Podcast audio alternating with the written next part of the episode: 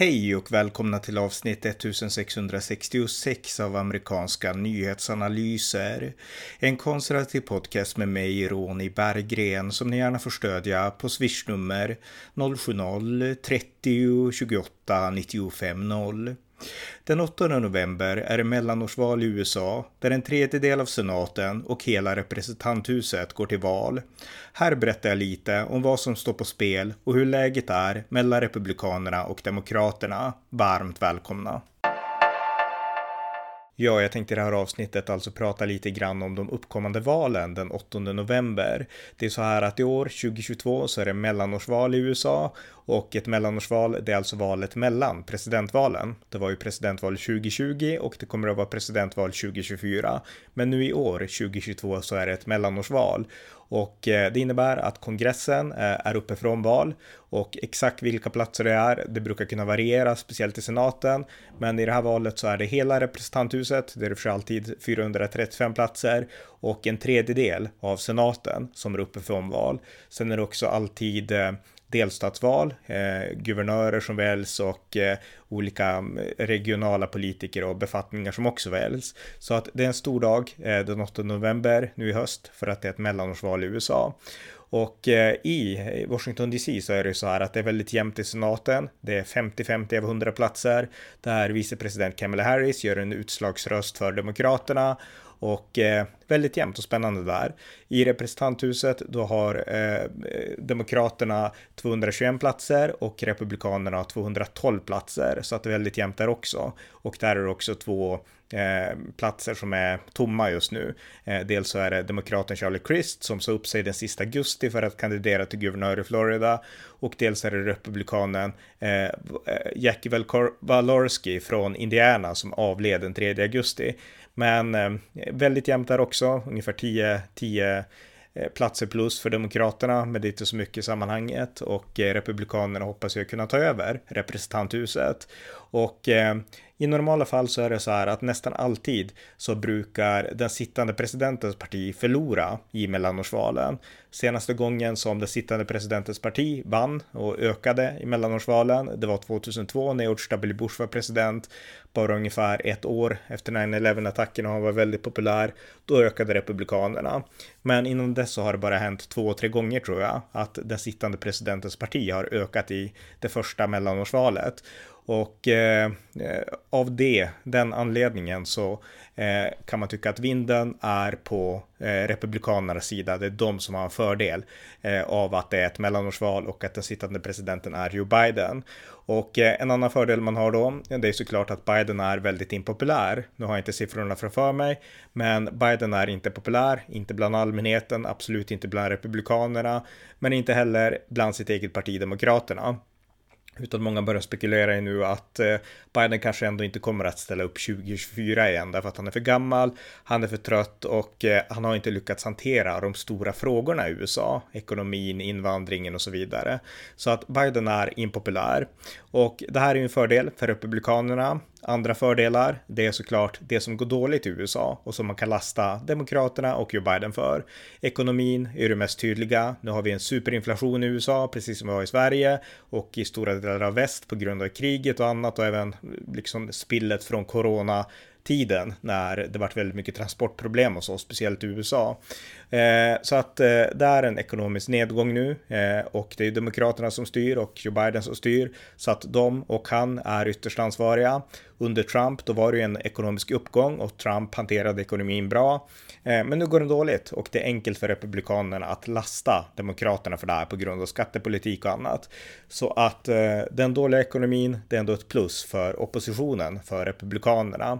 Eh, ett annat plus för Republikanerna, det är massinvandringen och massinvandringen är ju en enorm belastning för USA, speciellt för sydstaterna. Vi har pratat, jag och Björn Nordström i tidigare poddar, om hur eh, sydstatsguvernörerna, republikanerna, Ron DeSantis i Florida och Greg Abbott i Texas och eh, Eh, Juicy i Arizona, de bussar upp eh, illegala immigranter till olika liberala storstäder. Därför att det är i de här liberala storstäderna som man är helt för öppna gränser och fri invandring och sådär.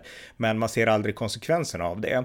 Och de här sydstatsguvernörerna, de fick nog och nu har man börjat bussat eh, immigranter upp till de här liberala fästena i norr. Och det är ju en enorm, enorma rabalder om det i USA nu.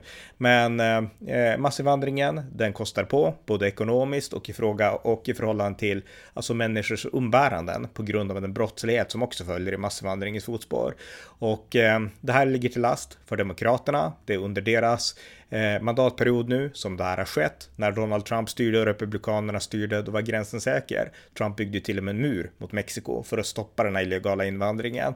Den har skjutit i höjden nu under Joe Biden och Demokraterna har helt enkelt ingen koll. De lyckas inte på något sätt överbrygga det faktum att deras fantasiidéer om att det humana och rätta att göra eh, är att släppa in alla som vill komma in. De lyckas inte överbrygga den idén med liksom verkligheten, att det här är en tragisk verklighet, främst för amerikanerna, men även för de som, som, som försöker fly in i USA. Eh, så att eh, det här är ett minus för Demokraterna och en, en plusfråga för Republikanerna inför höstens val.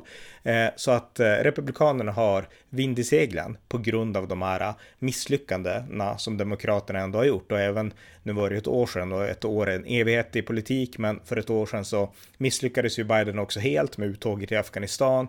Det var kaos och nu så styrs Afghanistan återigen under ett grymt fruktansvärt talibanvälde efter 20 år sedan det ändå andnings utrymme under amerikansk översyn då som, som Biden avbröt.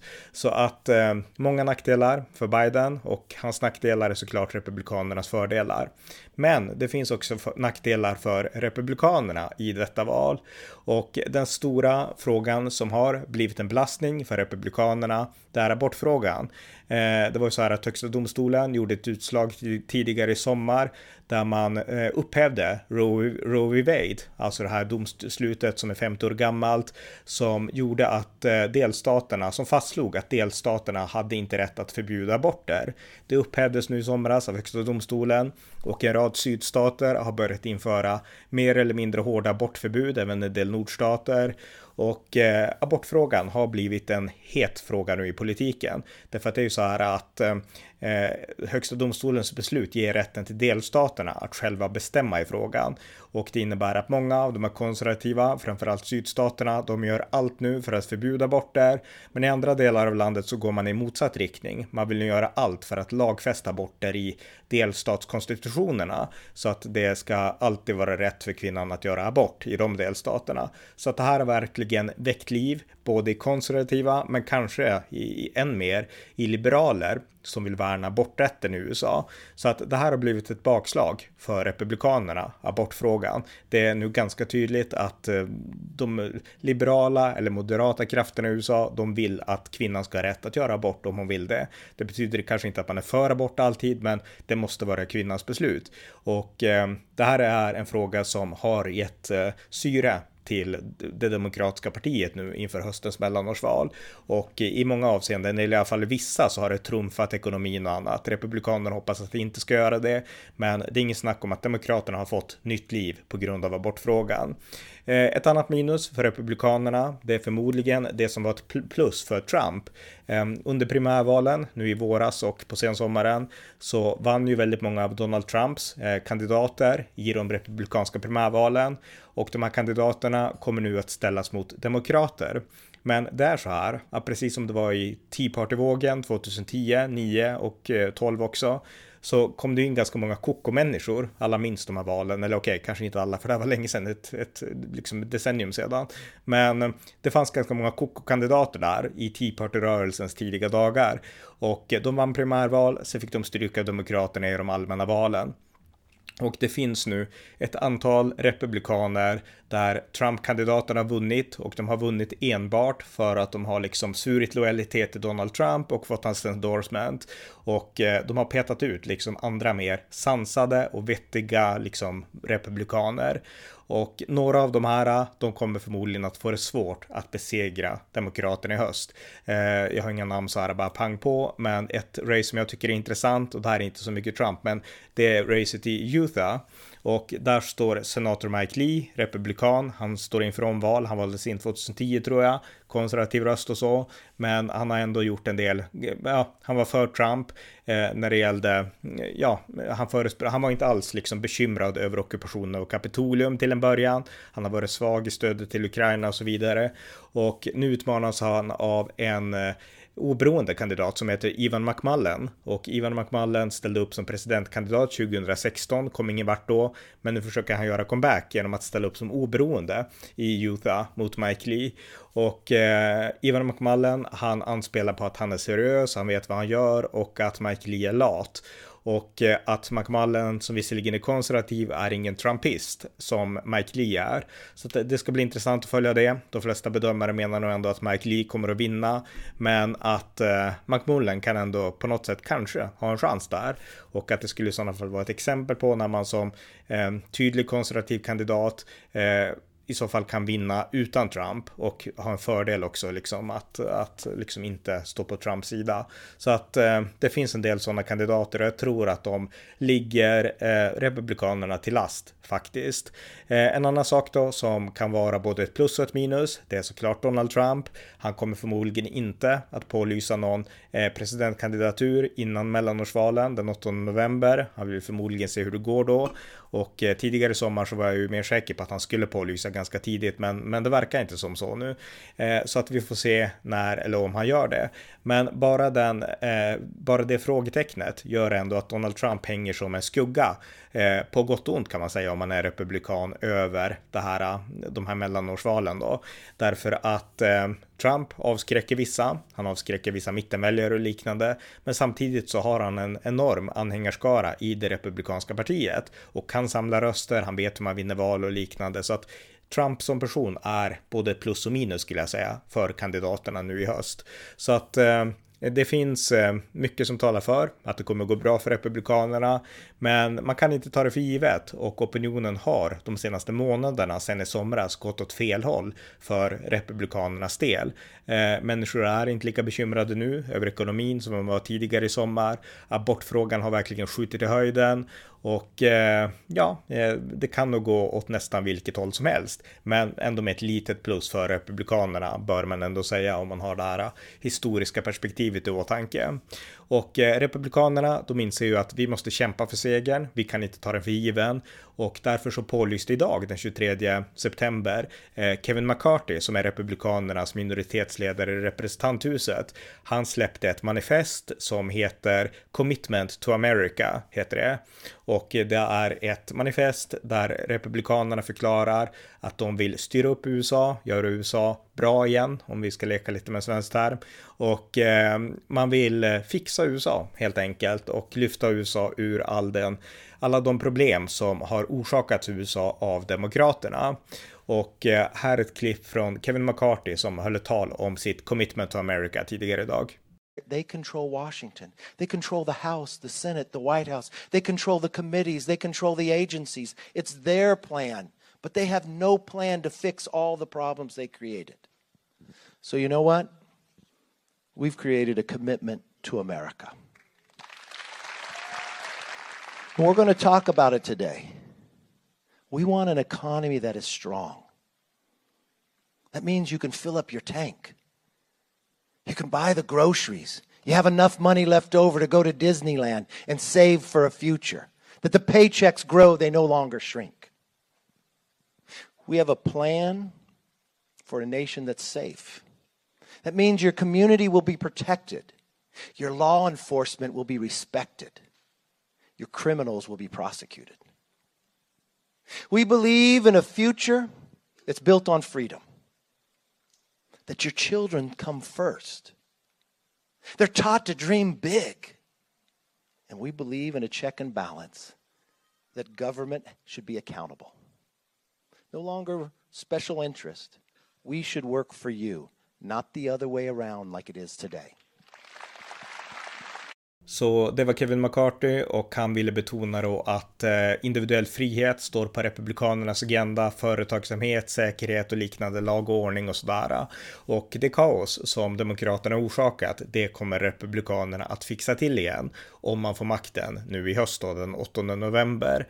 Så att eh, så ser läget ut. Det är jämnt mellan de båda partierna. Historiskt så har republikanerna, de borde ha övertaget här. Många frågor går i republikanernas väg, ekonomi ekonomin och så vidare, just därför att det går dåligt och då kan man som oppositionsparti kritiserade sittande partiet. Eh, men det finns också saker, framförallt abortfrågan, som gör att demokraterna kan inte räknas ut på ett sätt som man kanske skulle ha kunnat gjort annars i andra tider. Eh, så att eh, så ser situationen ut. Eh, och eh, jag tänkte då resonera lite grann om vad konsekvenserna skulle bli för USA om republikanerna tog över till exempel senaten eller kanske mer troligt representanthuset. Och eh, det som skulle ske, det är ju dels att Joe Biden skulle bli en lame duck president i mångt och mycket. Han skulle inte kunna genomföra några stora genomgripande demokratiska reformer, för republikanerna i kongressen skulle i så fall sätta stopp. Och en annan sak som skulle hända, det skulle ju vara att republikanerna, kanske i synnerhet i representanthuset, skulle, sätta, eh, skulle starta upp olika utredningar, interna kommittéutredningar, ungefär som 6 januari-kommittén nu som har utrett Donald Trump och förhållandet till stormningen av Kapitolium. Republikanerna skulle göra samma sak, de har gjort det tidigare med Benghazi och liknande 2012 och de skulle förmodligen göra det igen. Och eh, den, eh, det objekt som skulle vara främst föremål för granskning granskningar eh, i en kommitté för Republikanernas del, det skulle såklart vara president Bidens son Hunter Biden på grund av de här skandalerna som jag pratade om tidigare och som Republikanerna är väldigt nyfikna och angelägna om att gräva ännu mer i. Så att förmodligen skulle vi få se någon så, form av sån utredning och kanske skulle man till och med försöka att ställa Joe Biden inför riksrätt för Afghanistans fall eller något liknande. Så att det är saker man skulle kunna förvänta sig om republikanerna tar över och det skulle då bli låsningar i amerikansk politik på ett nytt sätt. Men jag stöder såklart republikanerna för demokraterna, de är, ja, de är katastrofala och jag delar ju egentligen helt republikanernas problematikbeskrivning av demokraterna och Joe Bidens styre. Eh, andra frågor som jag tycker är intressanta inför eh, det här mellanårsvalet, det är till exempel eh, om det kommer några, några nya muslimska kandidater här i Sverige så pågår ju en islamisering där Eh, en islamisk minoritetsgrupp tar allt större politiskt utrymme. Vi har partiet Nyans här i Sverige. I USA så har man inget parti på det sättet utan man måste ju där infoga sig i de här två majoritetspartierna, Republikanerna och Demokraterna. Men däremot så finns det en stark lobbyorganisation som heter CARE, Council on American Islamic Relations och det här är en slags förgrening av det muslimska brödraskapet i USA. Och eh, under åren, framförallt 2000, ja, delvis lite 20, 2020, men även 2018 och 2016 så kom det in ett antal muslimska kandidater. Och de har det gemensamt att många av dem är starka kritiker till Israel och liknande. Och nu har även demokraternas stöd till Israel sjunkit. För bara några år sedan så var ju stödet för Israel och USA bipartisans på båda sidor, men nu är det egentligen bara republikanerna som är starka Israelvänner. Och en av de sakerna, det går förmodligen att eh, att härleda härleda till den här äh, demografiförändringen i USA, där en liten muslimsk minoritetsgrupp får allt större politiskt utrymme i kombination med de här vänsterrörelserna, den progressiva vänstern, som också äter sig upp i det, det demokratiska partiet. Så att det är sådana saker jag är intresserad av, muslimska kandidater, hur kommer det se ut och så, men även den här nya vänsterprogressiva rörelsen som snabbt tar sig in i det demokratiska partiet. Hur kommer den att utvecklas? Så att det är också sådana sådana frågor som är intressanta att ha i åtanke när man då analyserar USA och tittar på det här valresultatet. Men det här var lite kort i alla fall, en kort övergripande beskrivning av vad som väntar och eh, det kommer bli några spännande veckor och månader nu tills den 8 november så att häng med i amerikanska nyhetsanalyser och eh, häng med i nyheterna om det här mycket spännande mellanårsvalet. Ni har lyssnat till amerikanska nyhetsanalyser, en konservativ röst i det vänsterliberala svenska mediebruset som ni gärna får stödja på swishnummer 070-30 28 95 0 eller via hemsidan usapool.blogspot.com på Paypal, Patreon eller bankkonto. Stöd också gärna valfri Ukraina Hjälp med en gåva. Det var allt för idag. Tack för att ni har lyssnat. Thank you.